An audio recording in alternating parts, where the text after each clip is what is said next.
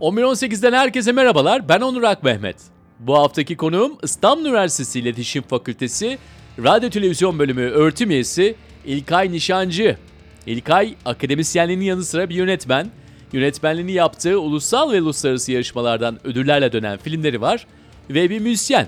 En son 2017 yılında bir albüm çıkaran ve fonda müziğini dinlediğiniz Ela isimli müzik grubunun gitaristi, söz müzik yazarı. İlkay'ın kökleri Arhavi'den. Artvin Arhavi'den. Aile büyükleri hala orada yaşıyor. İlk filmi Bir Yudum Bekleyiş, çay bitkisinin Doğu Karadeniz bölgesindeki Las kültürüne olan etkisini anlatıyor. Daha sonra ise HES projelerinin tehdidi altında bulunan ve biyoçeşitlilik bakımından dünyanın önde gelen yerlerinden biri olan Kamilet Vadisi ile ilgili bir belgesel çekti İlkay. İsmi de Kamilet. Bu iki filmin hikayesinde birazdan dinleyeceksiniz ve bu hikayelerle birlikte İlkay'ı tanıma şansı bulacaksınız. Fakat anladığınız üzere İlkay çok yönlü birisi ve nedeni de uzmanlaşmayı kabul etmemesi. Dinleyin, siz de hak vereceksiniz.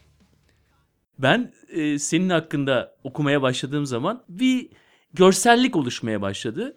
E, belli sahneler var. Yani ne oluyor? Senin hakkında daha çok yazı var. Yani Yaptığın şeyler var. Evet. Ve bir tanesi de aralarından sıyrıldı. Bir yaz başı düşünelim. Sen e, lisedesin Evet. ve diyorsun ki ben lisedeki müzik grubunun gitarist solosu olacağım. Evet. Solo gitaristi olacağım daha Evet. doğrusu. Ve o zamanki hocan da sana diyor ki ya bilmiyorum biraz daha beklemen gerekebilir diyor. Çünkü henüz e, adımlar yeni başlamış. Belki e, e, o zaman kaç aydır tabii hı. gitar çaldığını bilmiyorum. Ama yazın başlangıcından yılın e, öğretim yılının başlangıcına kadar ki 3 aylık yaz kısmında her gün bir aktivite var. Evet. Ve de gitar çalıyorsun. Nasıl bir yazdı? Gerçek mi bu hikaye? Evet. Senin tarafından nasıl yaşandı? Burada yani çünkü benim kafamda acaba dedim yani İlkay yani kafasına taktığını yapan bir adam o yaz buydu. Öbür yaz işte efendim koşu yapacaksa oydu. Yani böyle Evet. öyle bir adam mı yoksa müziğe mahsus bir şey mi? Biraz daha Ya senden Onur, alayım. Şey, ben çok heyecanlı ve çok tutkulu bir insanım. Bu e, bunun ego ile olan savaşını çok e, ileriki yaşlarımda çok verdim. Yani e, bunun ne, nasıl bu bir, e, benim gerçekten çok yüksek bir ego problemi mi var? E, bunları daha sonra değerlendireceğim ama o döneme geçtiğimiz zaman şöyle oluyor. Ben gerçekten üretmek dışında hayattan zevk alamayan bir insandım. Çocukken de böyleydi bu. Ama lisedeyken de böyleydi. Ee, sadece yaşamayı çok seviyordum. Yani hala seviyorum yanlış anlaşılmasın da. Ama o dönem kendime şimdi bu- buradan oraya baktığım zaman şimdi mesela aynı şeyi göremiyorum. Çünkü bugün kendimi çok daha fazla törpülediğimi düşünüyorum. Ama o gün o zamanlarda lise zamanlarında e, hiçbir şey önümde duramazdı benim özetle temelde. Ve orada da şöyle bir şey. Ben e, bugün o gün de aynı görüşteydim. Bugün de aynı görüşteyim. E, ben bir insanın bugün dayatılan sistemin e, ve özellikle bu e, şeyden sonra yani soğuk savaşın bitişinden sonra çok daha belirgin bir şekilde kapitalizmin egemenliğinin artık iyice ilan edilmesinden sonra hani benim en çok takık olduğum bir şey var. Hani uzmanlaşman gerekiyor diye bir laf var.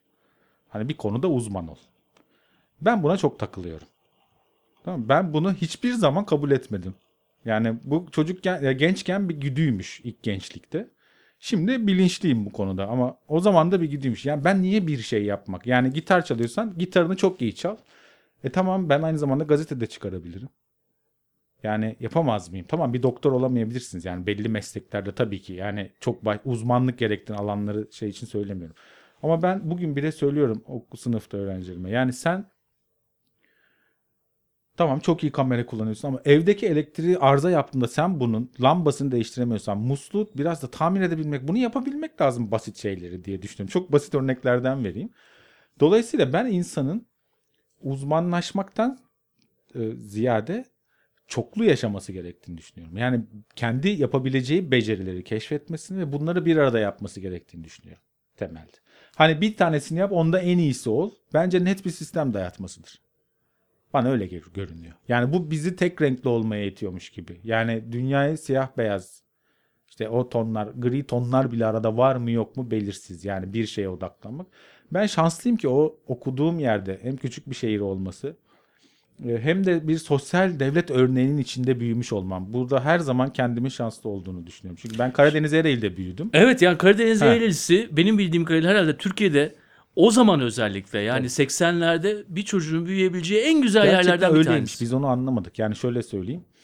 Yani hani sosyal devlet nedir diyorlar ya. Yani o zaman da biz yani bir e, sosyalist bir ülkede falan yaşamıyorduk yani. Çok başka bir şey değil. Ya. Öyle Peki bir bize ülke söyleyebilir değildi. misin Karadeniz Eğrelisi'ni o zaman özel yapan neydi? E şu şimdi benim babam oradaki demir çelikte çalışıyordu. İşte e, so- sosyal hizmetlerde hatta çalışıyordu. E biz e şöyle düşünün. Şimdi burada bir büyük bir fabrika düşünün. Türkiye'nin en büyük demir çelik fabrikalarından biri. Şimdi burada çalışan 8-10 binin üzerinde işçiden e, çalışanlarıyla işte müdürleri şeyleri böyle bir şey düşünün. E şimdi şöyle bir şehir hayal edin. Burada böyle bir fabrika kurulmuş. Ve bu fabrika demişler ki bunun bir lojmanı olsun. Koca bir şehir kadar bir lojman yapılmış. Kaç tane bina var artık ben bilmiyorum. E bunun içinde sineması var, tiyatrosu var, okulu var. Yani hem özel koleji var hem Anadolu Lisesi var. Hepsi bunun sınırları içinde. E, e bunların hepsi en fazla üçer katlı evler. Bahçeli hepsi. Yani şimdi düşünün ve bu lojmanlarda siz para vermeden oturuyorsunuz. Ama orada çalışıyorsunuz bir yandan. E şimdi e sıcak suyunuz şeyden geliyor. Yani bizim e, oturduğumuz lojmanlarda her zaman sıcak su vardır. Şimdi neden? Fabrika zaten demir çelik üretiyor. Sıcak kaynağı suyu ısıtıp gönderiyor. E, elektrik desen zaten o da öyle çok minimum. Yani böyle bir e, biz şimdi orada hep çok kızıyoruz. Biz orada bir yandan bize bu çok iyi oldu ama biz çok kapalı bir kutuda büyüdük. Birden geldiğinde de ben gerçi İstanbul'a sürekli gidip geliyordum ama ben hiç kültür şoku yaşamadım ama çok arkadaşımız yaşadı. Ama ben size şöyle söyleyeyim. Ben buraya geldiğimde e, ben herhalde Yeşilköy'den başka bir yerde oturamam dedim. Tek orası benziyordu mesela çünkü Karadeniz Ereğli düşük evler. Böyle işte belli bir yaşam formu var belli gibi. Ha nedir? Şimdi o işte orada devlet örnek bir sosyal yaşam alanı kurmuş. Hatta bir hocamız bunlarla ilgili bir çalışma yaptı bizim. Ee, örnek yerlerden biri de Karadeniz Ereğli'ydi yani lojman sistemi şeydi. Yani e tabi biz orada yetişenler olarak e, o o ortamın içinde hem sanattan geri kalmıyorsunuz hem ekonomik anlamda sizin e, belli bir standarda oturtmuş devlet. Orada belli bir şekilde yaşayabiliyorsunuz. E, oraya gittiğinizde tabii nedir? Orada okuyan öğrenci kendini pek çok kulvara atabiliyor. O zaman senin çok yönlü olmanın da e, önemli bir unsuru odur herhalde. Yüzde değil yüz mi? ben kendimi tamamen oradaki Ereğli Demir Çelik Fabrikası işte ve oradaki sosyal devlet anlayışının ürünü olduğunu düşünüyorum. Çünkü yani siz kapasite olarak e, yani yapabileceğiniz her şeyin olanağı var size. Peki lojmanda hayat nasıldı? Yani bahçede bahçede mi diyoruz, sokak mı diyoruz artık? Evet. Site içerisi mi diyoruz? Değil açık alan aslında. Yani öyle Fazla bir- araba geçmiyor tabii. Evet, Hususi a- araba çok Ama fazla şöyle yok. söyleyeyim yolları bile şeydi yani betondu mesela asfalt değildi onu çok iyi hatırlıyorum. Yani neden öyle derdik ama hiç bozulmazdı. Çünkü daha mantıklı bir yatırım. Beton yola bir şey olmuyordu mesela. Asfalt daha çabuk bozulur ya mesela. Ama nedir işte siz yani çıkıp oradan işte top sahalarına gidersiniz. Sabahtan akşama kadar top oynarsınız ama akşam sinema nettir mesela. Cuma cumartesi İstanbul'dan filmler gelir. Siz sinema salonunda iki gün ağzına kadar doludur. Sosyal bir aktivite olarak sinemaya gidersiniz. İstanbul'daki en güzel, en iyi tiyatro oyunları getirtilir. Orada aynı zamanda hafta içi tiyatro oyunları olur. Onları takip edersiniz. Böylece geri kalmıyorsunuz. Ve tabii keşmekeşin içinde de değilsiniz. Çok büyük, net bir düzen var. Hani bu e, yani gerçekten çok belli yaptığınız şeyler ama yani hani bu düzen işte korkutucu gibi de görünüyor yani bazen böyle aslında belli yani cuma cumartesi sinema günüdür. Hafta içi tiyatro günüdür. Okulun zaten vardır. Bir okuyan öğrenci için ama müthiş ideal bir şey düşünürseniz. Çünkü net düzeniniz var.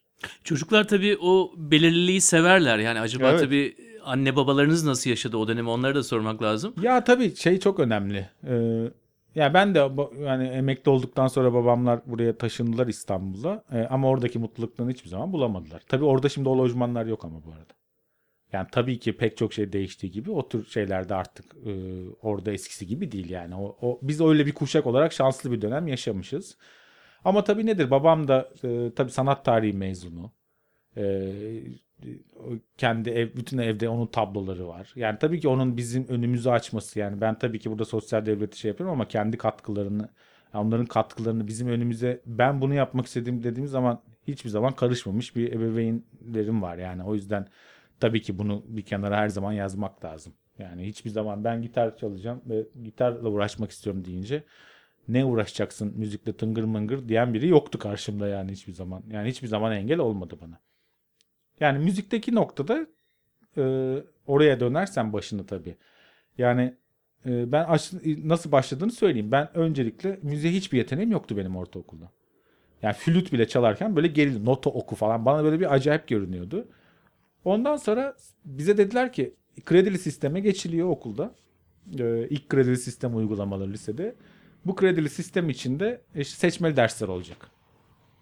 E biz de tabii şimdi lise 1'e gelmişiz. E, lise 1. sınıfa giriyoruz. Kredili sistem.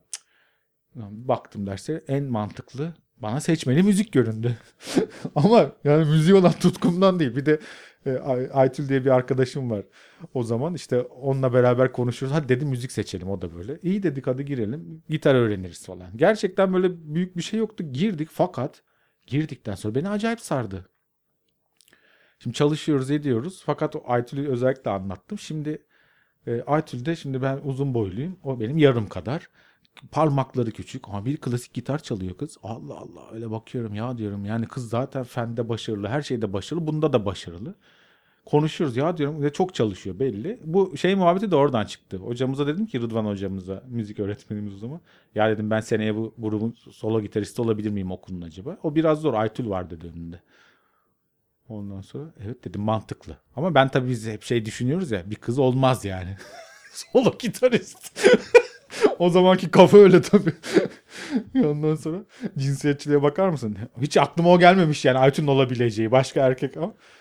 Ondan sonra ya dedim ben ne yapayım gittim Ankara'ya bir şeye gittim. Orada e, Ankara gezisi varken e, bir tane rock metal dükkanına girdim. Buldum bütün şeyleri aldım. Gitar notalarını falan. Metallica'nın albümü de çıkmış. Black albüm o zaman yeni.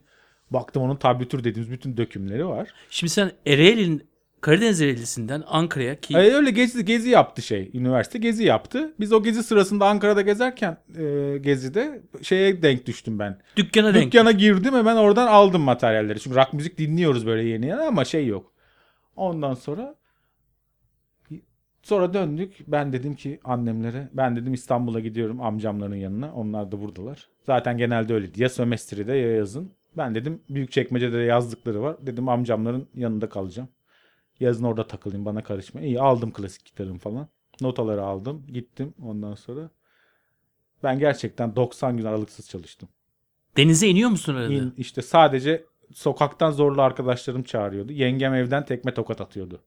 Yani hiç unutmam. "Na- sen deli misin bütün yaz? Ne yapıyorsun burada? Git artık falan diye. Ben günde ortalama 7-8 saat çalışıyordum yani. Artık böyle parmaklarım mı şey olmasın, kesilmesin. iki gün bekle, özel pudra sür, tekrar düzelsin, tekrar çal. Gerçekten ben 90 gün sonunda çünkü okula bir geldim. Metallica'nın bilek albümünün tamamını çalıyordum.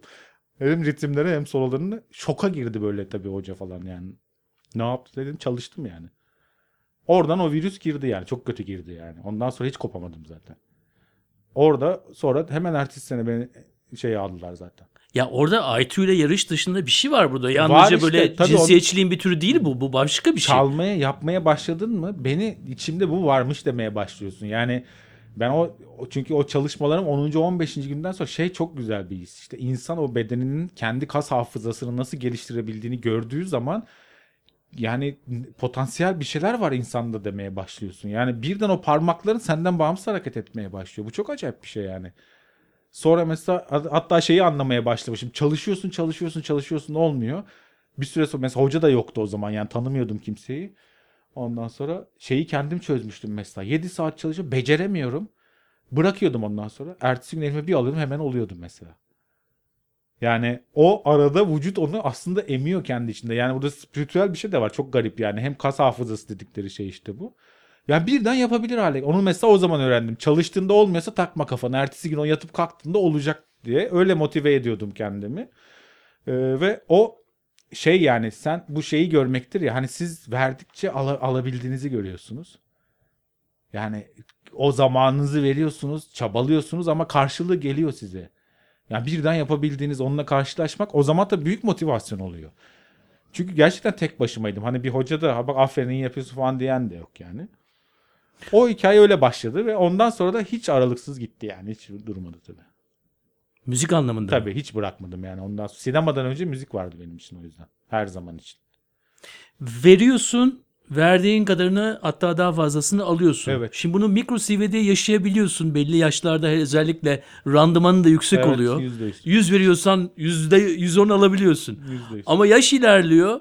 Sen farklılaşıyorsun. Bir de tabii mikrodan makroya geçiyorsun. Sistemler içerisinde vermeye başlıyorsun ama alamıyorsun. Hatta Evet, evet, evet. verdiğinden borçlu çıkıyorsun. Doğru. Bu gibi bir örnek aklına geliyor mesela. Yani sistem içerisine girip çalışmaya başladıktan sonra ya afalladığın oluyor mu? Çünkü biraz önce anlattığın hafif böyle ne bileyim yani cennet vari bir Tabii, tabii yerden canım. bahsediyoruz ama gerçek dünya çok daha farklı. Tabii romantik bir hikaye anlatıyoruz yani orada. Evet. Ee, Var mı bir örnek aklına gelen? Valla şöyle yaşanıyor kendi üzerimde. Ee, yapmak istediğim pek çok projeyi gerçekleştiremiyorum. Yani ya da çok geç gerçekleştiriyorum. Onun bize bıraktığı en büyük şey şu. Yani şöyle söyleyeyim. Ben üniversite birinci sınıfa geldim. İkinci sınıfta dedim ki ben kısa film çekeceğim. Daha İstanbul Üniversitesi iletişimde kısa film diye bir şey yok. Bak çekilmemiş yani. Belki Barış var yani o sırada bir arkadaşımız. Yıl şey- 1995-96. Evet o civarlarda.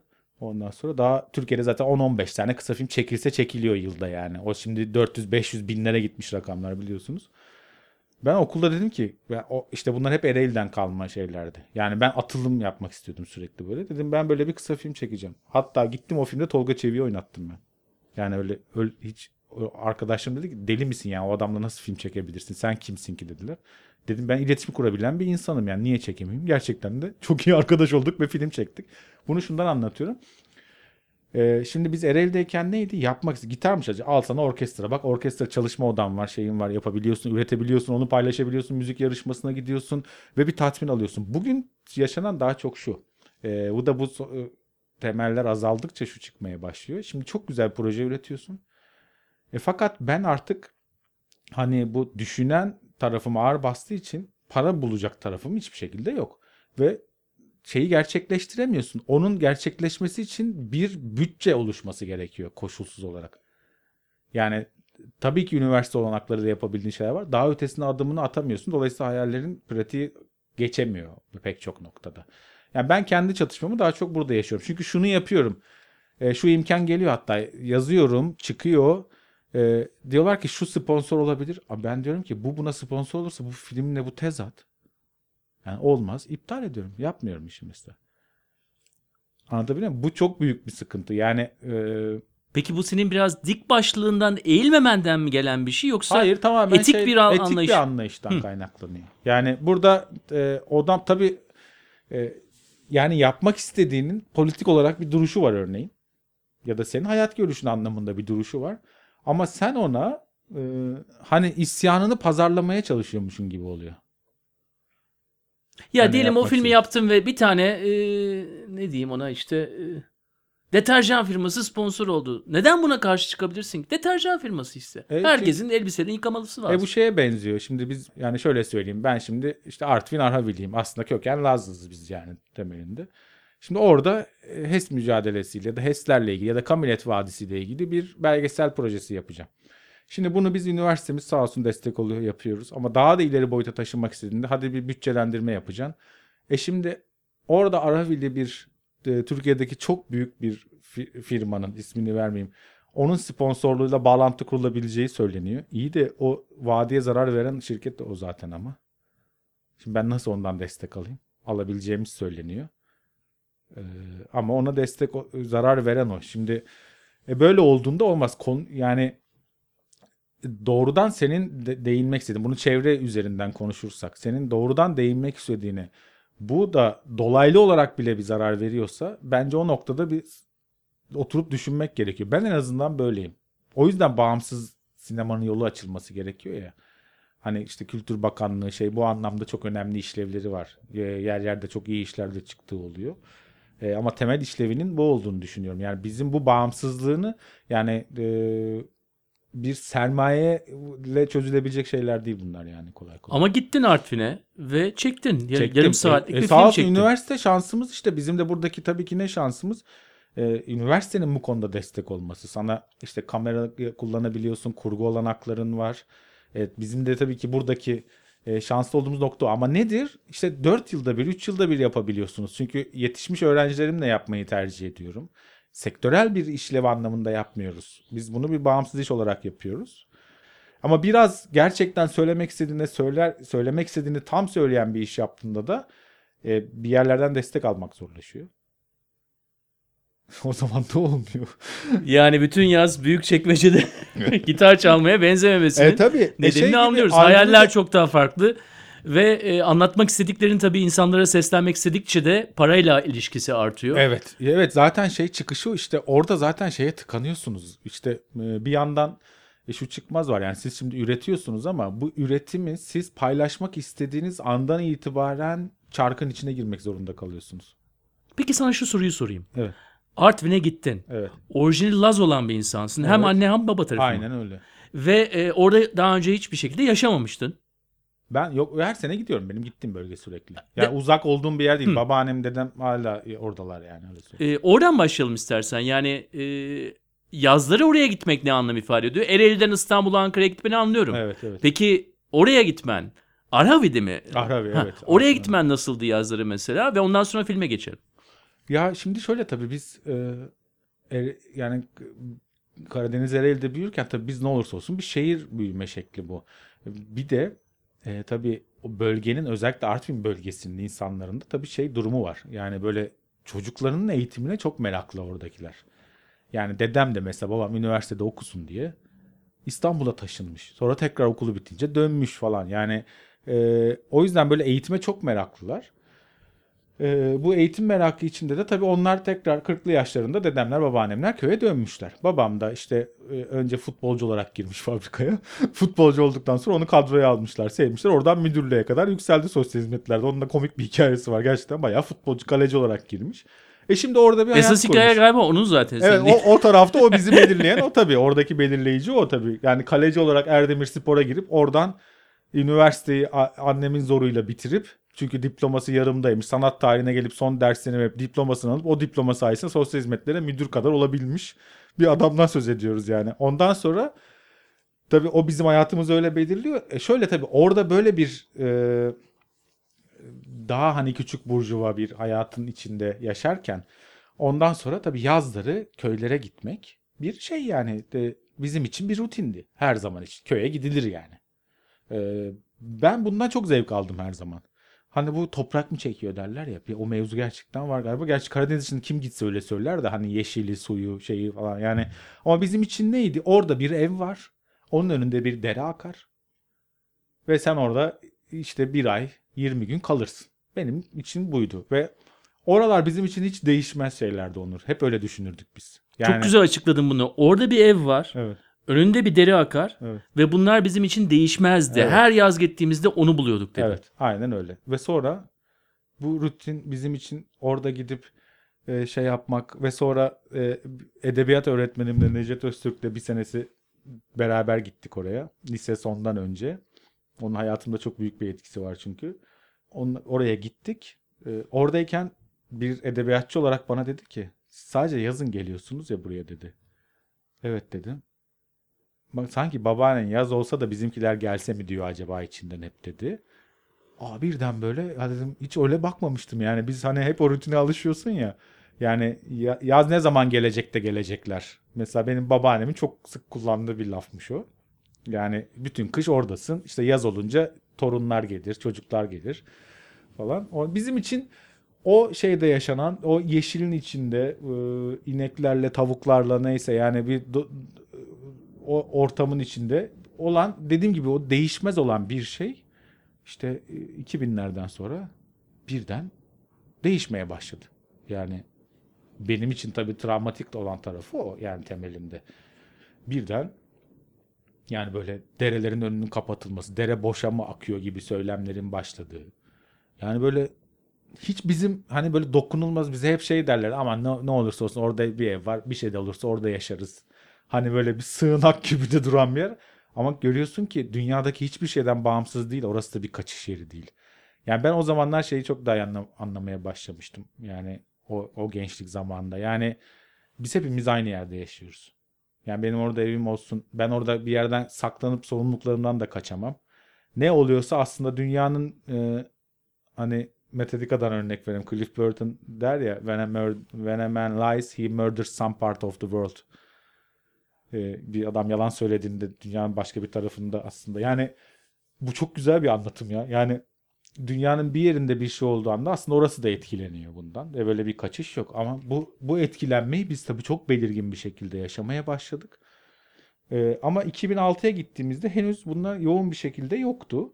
Ben ilk o filmimi orada bir tane uzun metraj belgesel çektik sonra çayla ilgili işte. O ilk benim o kadar birikimimin ilk ürünü o oldu.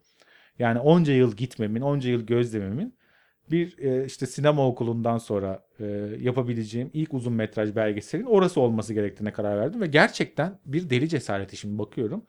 Biz 20 gün orada e, işte bir Lazlarla beraber çay kültürünü nasıl etkilemiştir üzerine böyle bir belgesel çalışması yaptık. Nerede yatıp kalkıyorsunuz? E şeyde köy evlerinde bizim evler her yer, her yer akraba zaten. Her yer bizim Tabii canım o anlamda sıkıntı yok. E, evlerde zaten ne o zaman da yine yabancılaşma yüksek düzeyde değiliz. Ya, yine köylerde öyle bir şey çok fazla yok ama nereye görseniz öğle yemeğini çağırırlar şey yaparlar. O kültürü biliyorsunuz Anadolu'da zaten. Ama henüz insanlar arasında hani ne kadar ekonomi oraya işlemiş olsa da çünkü çayla beraber orada bir ekonomik akış girmeye başlıyor. Ne kadar girmiş olsa da henüz insanın ruhuna işlememiş durumda aşırı derecede. Yani e, o şeylerden olan ayrılıklar yok net bir şekilde. İnsanların mesafesi henüz çok net değil. Orada evler çok mesafeli olsa da herkes birbirine çok yakın. Biz öyle bir filme giriştik.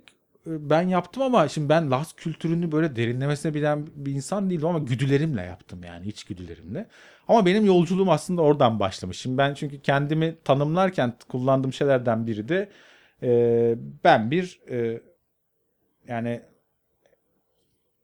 şeyim yani ekoloji aktivisti olarak görüyorum kendimi bir yandan. Yani bunu sineması yani sinemada da artık kendimi öyle tanımlayacağımı daha çok görmeye başladım temelinde, ekoloji temelinde.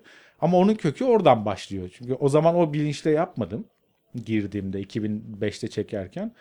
Bir tanıklık olsun dedim ki iyi ki yapmışım. Şimdi orada filmde %95'i yaşamıyor o filmde var olanların. Ee, ve %95 yaşamı deyince Öldüler yani kahramanların. Orada gördüğümüz konuşan kafaların, röportaj yapılan insanların gerçekten %90'ı yok şu anda. O yüzden öyle bir kıymetli oldu ki halen gösteriliyor memlekette film arada sırada. Geçen sene bile bir gösterimi oldu. Neyse buradan şeye geleceğim de nasıl değişti bu? Ee, bunu da üniversitede kurgusunu yaparken ben filmi bitirdim. Ondan sonra tabii o zaman bizim Laz kültüründe Birol Topaloğlu var yani onu müzik olarak onu biliyoruz. Başka da bizim için temeldi yani. Ben dedim Birol'la Topaloğlu'na bir ulaşabilirsem dedim müziklerini ondan kullanırız. Tekim işte Birol Topaloğlu'yla bir şekilde o zaman tabii Beyoğlu'nda böyle değil tabii yani İstiklal Caddesi. Geride de şey var. E, Beyoğlu pasajının oradaki kasetçi kimdi? E, Beyoğlu sinemasının girişindeki kasetçi işte orada eskiden kasetçi vardı. Orada girdim. Düşünsenize nasıl bir ülkeymiş yani ne değişik. Kapıdan girdim. Orada kaset çalanın yanına gittim. Ya dedim ben Birol Topaloğlu'na ulaşmaya çalışıyorum. Adam cep telefonunu verdi bana orada. ya olacak iş değil yani. Şimdi dese inanmaz kimse. Aradım dedim dedim böyle film yaptım ben. Birol Topaloğlu geldi üniversiteye. Bir seyretti. Ya dedi bu harika olmuş bu iş. Şimdi yani Laz kültürünü yazmış bir adam. Yani her şeyini yaşayan bir adamdan. Ben onay alınca içim çok rahatladı. Çünkü ben gerçekten sadece kameramla gidip çekim yaptım. Ve bir kurgu çıkardım. Ama adam dedi ki sen anlatmışsın bunu. Ha dedim o zaman ben herhalde doğru bir iş yapıyorum. Ve ilk işte yurt dışı festivaller, Akdeniz Filmleri Festivali'nde Avrupa'nın en büyük film festivali. Yani orada finale kaldı falan film böyle. Çok güzel oldu benim için yani. ilk maceralar öyle başladı uzun metraj anlamında. Ondan sonra da memleketle bağım tabii içime yapıştı. Yani birden o hiç öyle hani uzaktan bakma dediğim şey artık daha sık gitmeye ve oraya başka türlü bakmaya neden oldu. Ve nitekim işte hidroelektrik santrallerinin çalış- e, projelerinin başlaması, birden dedem bizi arayıp ya bizim evin arkasına boru geçireceklermiş gibi bir laf. Ben nasıl olabilir böyle bir şey? Ya inanamıyorum yani bunu söylediği şey bana o kadar anlamsız geliyor ki.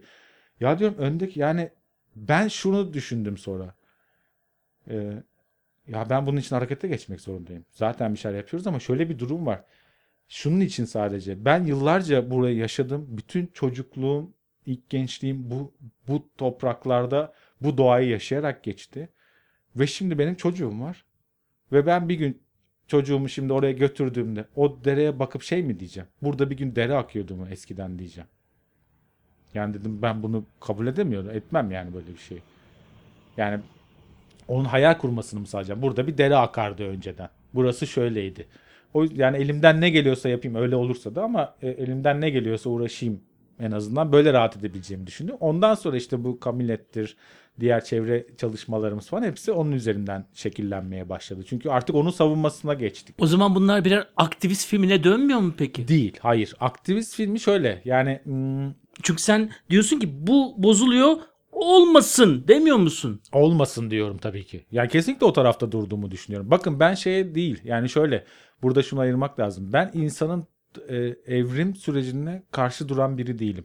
Teknolojik anlamda da değilim.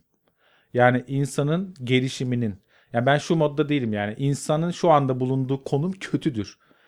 Ben insanın böyle olduğunu düşünmüyorum.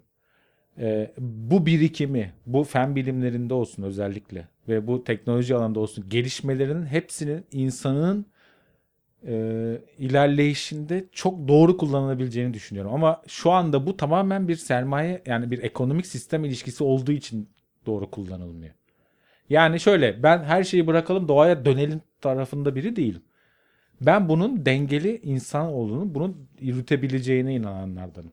Dolayısıyla oradaki şeyim eee, yani senin orada HES burada şöyle bir şey var çünkü Kamilet Vadisi'nden konuşursak örneğin. Bu vadi dünyadaki e, biyoçeşitlilik anlamında 100 vadiden biri kabul edilmiş. Sen buraya yapamazsın bunu. Yapmamalısın zaten.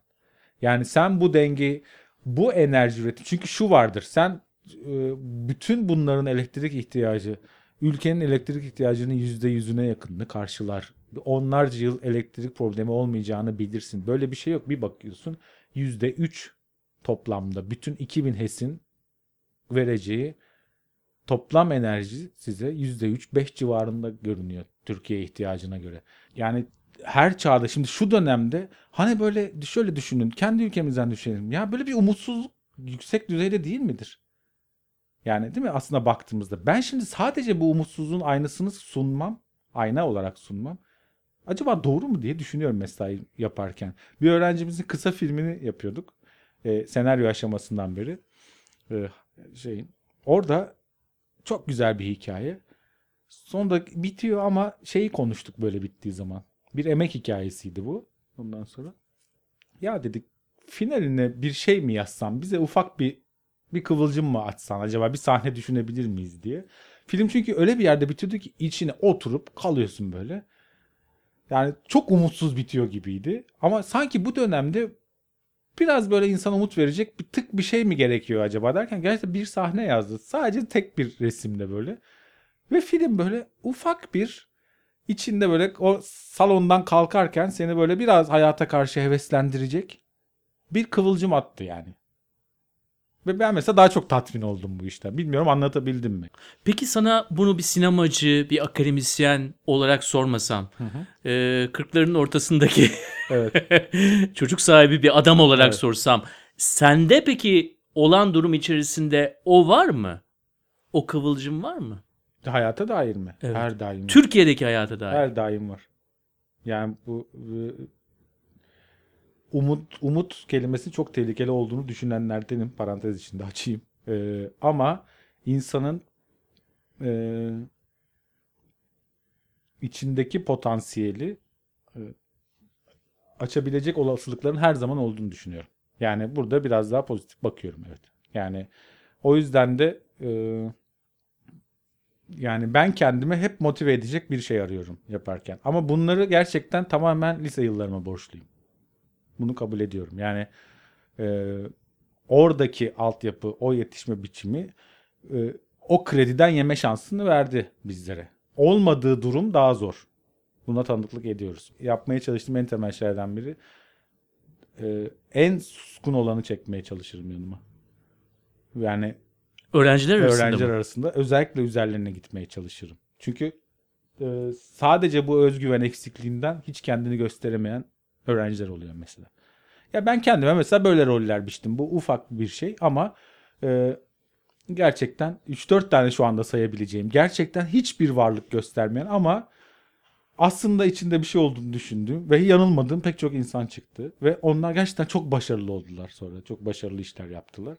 Ee, işte devlet okulu olması falan bu anlamda çok önemli. Her kültürden, her e, sınıftan insan geliyor. E, ve e, işte herkesin eğitim hakkı ve siz orada işte en kendini böyle bir geçmişten gelip kendini göstermeye çabalayanlar da var. Ama orada potansiyel insan o ya çünkü. Yani ne olursa olsun e, şu doğanın evrimi içindeki en kutsal varlık baktığınızda. Yani biz de hayvanız ama onun içinde kendine en sıyırmış olan bu. Bu yaptığı eziyetler, savaşlar hepsini bir kenara bırakın. Bunların hepsiyle beraber ama yükümlülüğü içinde e, ve e, ben genel anlamda da insanlığın iyi olduğunu düşünenlerdenim. Hani yolda demin okuyordum Freud doğuştan insan kötüdür diye bir cümle paylaşmış biri. Demin Twitter'da gördüm hatta üzerine tartışıyorlardı. Ondan sonra e, şimdi öyle de bakabilirsiniz. Ben öyle bakanlardan değilim. Yani e, insanın şekillenmesi ve şey olması, kimlerin nerelerden nerelere döndüğünü görüyoruz ve potansiyel olarak sadece ben büyük çoğunluğun e, sessiz olduğunu düşünüyorum. Yani beraber paylaşımda bulunabileceğimiz insanlarla bir arada durmaya çalışmak herhalde en önemlisi. Bu podcast'te e, devamlı çıkan e, temalardan bir tanesi bu zaten. O insanların bir araya gelmesi, paylaşması e, ve böyle durumlarda da e, onun yeteri kadar tatmin sağlayabilmesi. İlla büyük resmi değiştirmekle büyük büyük tatminler değil illa ama belki de e, böyle bir durumla karşılaşmasaydık ikimiz de karşı karşıya burada oturmayacaktık. Şurada bu sohbeti gerçekleştiriyor olmamız bile öyle bir şey. Şimdi biz nereden nasıl temas ettik? Yani düşünsenize işte bir öğrencim size bu size söylemiş burada staj yaparken orada yani bakın bağlar nasıl birbirine ilişkilendirebiliyor. Yani bu bence çok e, yani kelimeyi kullanmak zor olsa da umut verici bir şey ya bir anlamda. Yani o bağlar bir şekilde kurulabiliyor ve e, hani Max Scheler şey der insanın kozmozdaki yerinde. Yani insan hayatında çiçek açan dönemler çok azdır ama hep ileri gitmiştir der. Yani insanlık tarihinde baharın geldiği, çiçeklerin açtığı dönemler çok azdır ama hep ileriye gitmiştir diye. Yani savaş durumları, e, şiddete dönen durumlar bunlar çok başka mevzular. Yani ben burada bir polyanlıcılık oynamaya çalışmıyorum. E, kontrol edemediğimiz noktalarda çok şey var ama insanın yani bence bireylerin farkındalığı yani her birimizin bu yolculuğu e, her bireyin kendine dışarıdan bakabilmeyi e, görmesi bence en temel şey olacaktır. Çünkü o zaman çıplak olacağımızı düşünüyorum. Hani bu şeye benziyor. Yani insanın kendini bir film gibi seyredebildiği noktada her şey güzelleşecek galiba. Yani kendini de hani sinema filminde biz karakterleri nasıl seyrediyoruz? Kendimizi öyle seyredebiliyor muyuz acaba? Bence o zaman çırılçıplak kalıyorsunuz ve dünya güzelleşmeye başlıyor gibi görünüyor. Çünkü ben öyle bir karakterim. Ve nasıl o filmde keşke böyle yapmasın dediğini sen kendine söylemeye başlıyorsun o zaman. Yani şöyle yapsaydı da yaptım bitti ama başka bir yola girebilir artık. Yani filmle insan hayatını bağlarsak biraz hani insanın kendini film gibi seyredebilmesi yani yeri geldiğinde. Bu bence pek çok şeyi aşması. Benim yani son mesela e, evlenmemden sonra mesela benim bütün hayatım şimdi bakıyorum eşime hep çok teşekkür ediyorum o noktada. Ben hep bütün erkek olmanın, bu kültürün bana verdiği erkek olmanın ne demek olduğuyla savaştım ben yani evliliğim süresince. Yani bu en, aldığım en büyük değişimlerden biridir yani kendi payımı. Her zaman vicdanlıydım. Ama bazı otomatikleşmiş davranışlar nasıl üzerine yapıştığını ben o sayede keşfettim. Yani hani yapman belli şeyleri sen yaparsın, belli şeyleri o yapar. Hani bu roller nasıl yapışmış üstüne? Neden bazı düşüncelerin biçiminde aslında nasıl erkek egemenliğin olduğunu falan görmek böyle. Ee, o yüzden hani hayattaki her ilişkiyi, her yaşanılanı böyle bakmak gerekiyor galiba. Gerçekten birikim bırakabiliyor arkasına yani. Yeter ki açık olalım. Yani yeter ki bunu seyretmeyi göze alalım. Kendimizle yüzleşmeyi göze alalım yani. O noktadan sonra ipler çözülmeye başlıyor gibi geliyor bana zaten. Bunun işe yarayacağına inanıyorum. Peki bunu nasıl yapabiliriz? Yani her birimiz böyle kameralarla dolaşıp her birimizin filmli olamayacağına zaten öyle olursa da değişiriz. Evet. Bunu pratikte nasıl yapabiliriz hocam? Ya hani bu şeye benziyor. Hani biz her yattığımızda ölebiliyor muyuz acaba? Her uyuduğumuzda. Yani yatağa yattık, uyuduk ve uyuduğumuzda gerçekten ölebiliyor muyuz? Yani bu ölmek de aslında hani bütün ön yargıların, bütün baktıklarını, o gün bütün biriktirdiklerini kendi içinde e, psişik anlamda, içsel anlamda söylüyorum. E, bunları öldürüp kalkabiliyor muyuz yani sabah kalktığımızda? Bunu becerebildiğimiz noktada ki bu çok zor. Bence de kendim de kendim de yaşayarak söylüyorum bunu. Ama bunun bir adımını atmak bile bence büyük oranını geçiriyor gibi geliyor bana. Hani hani Krishnamurti'nin güzel bir sözü vardır ya sevmek için ölmek gerekir diye. Öyle gibi görünüyor bana yani. e, sevebilmek için galiba işte her yattığımızda uyuduğumuzda ölmek gerekiyor yani. Ve kalktığımızda tekrar başlayabilmek.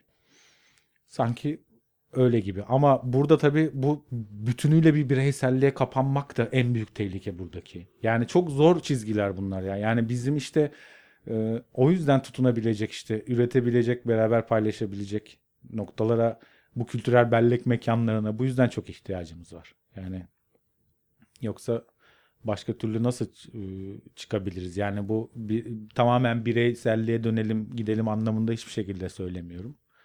E, ama yani insanın bence kendi yaptığı davranışı niye yaptığını sorgulamaya başladığı andan itibaren e, biraz çözülmeye başlıyor gibi geliyor. Yani temelde öyle gibi geliyor. Çok teşekkür ederim sana. İyi ki buradasın. Sağ ol. Yo, ben de çok teşekkür ederim. E, keyifli bir sohbet oldu benim için de. Çok sağ olun.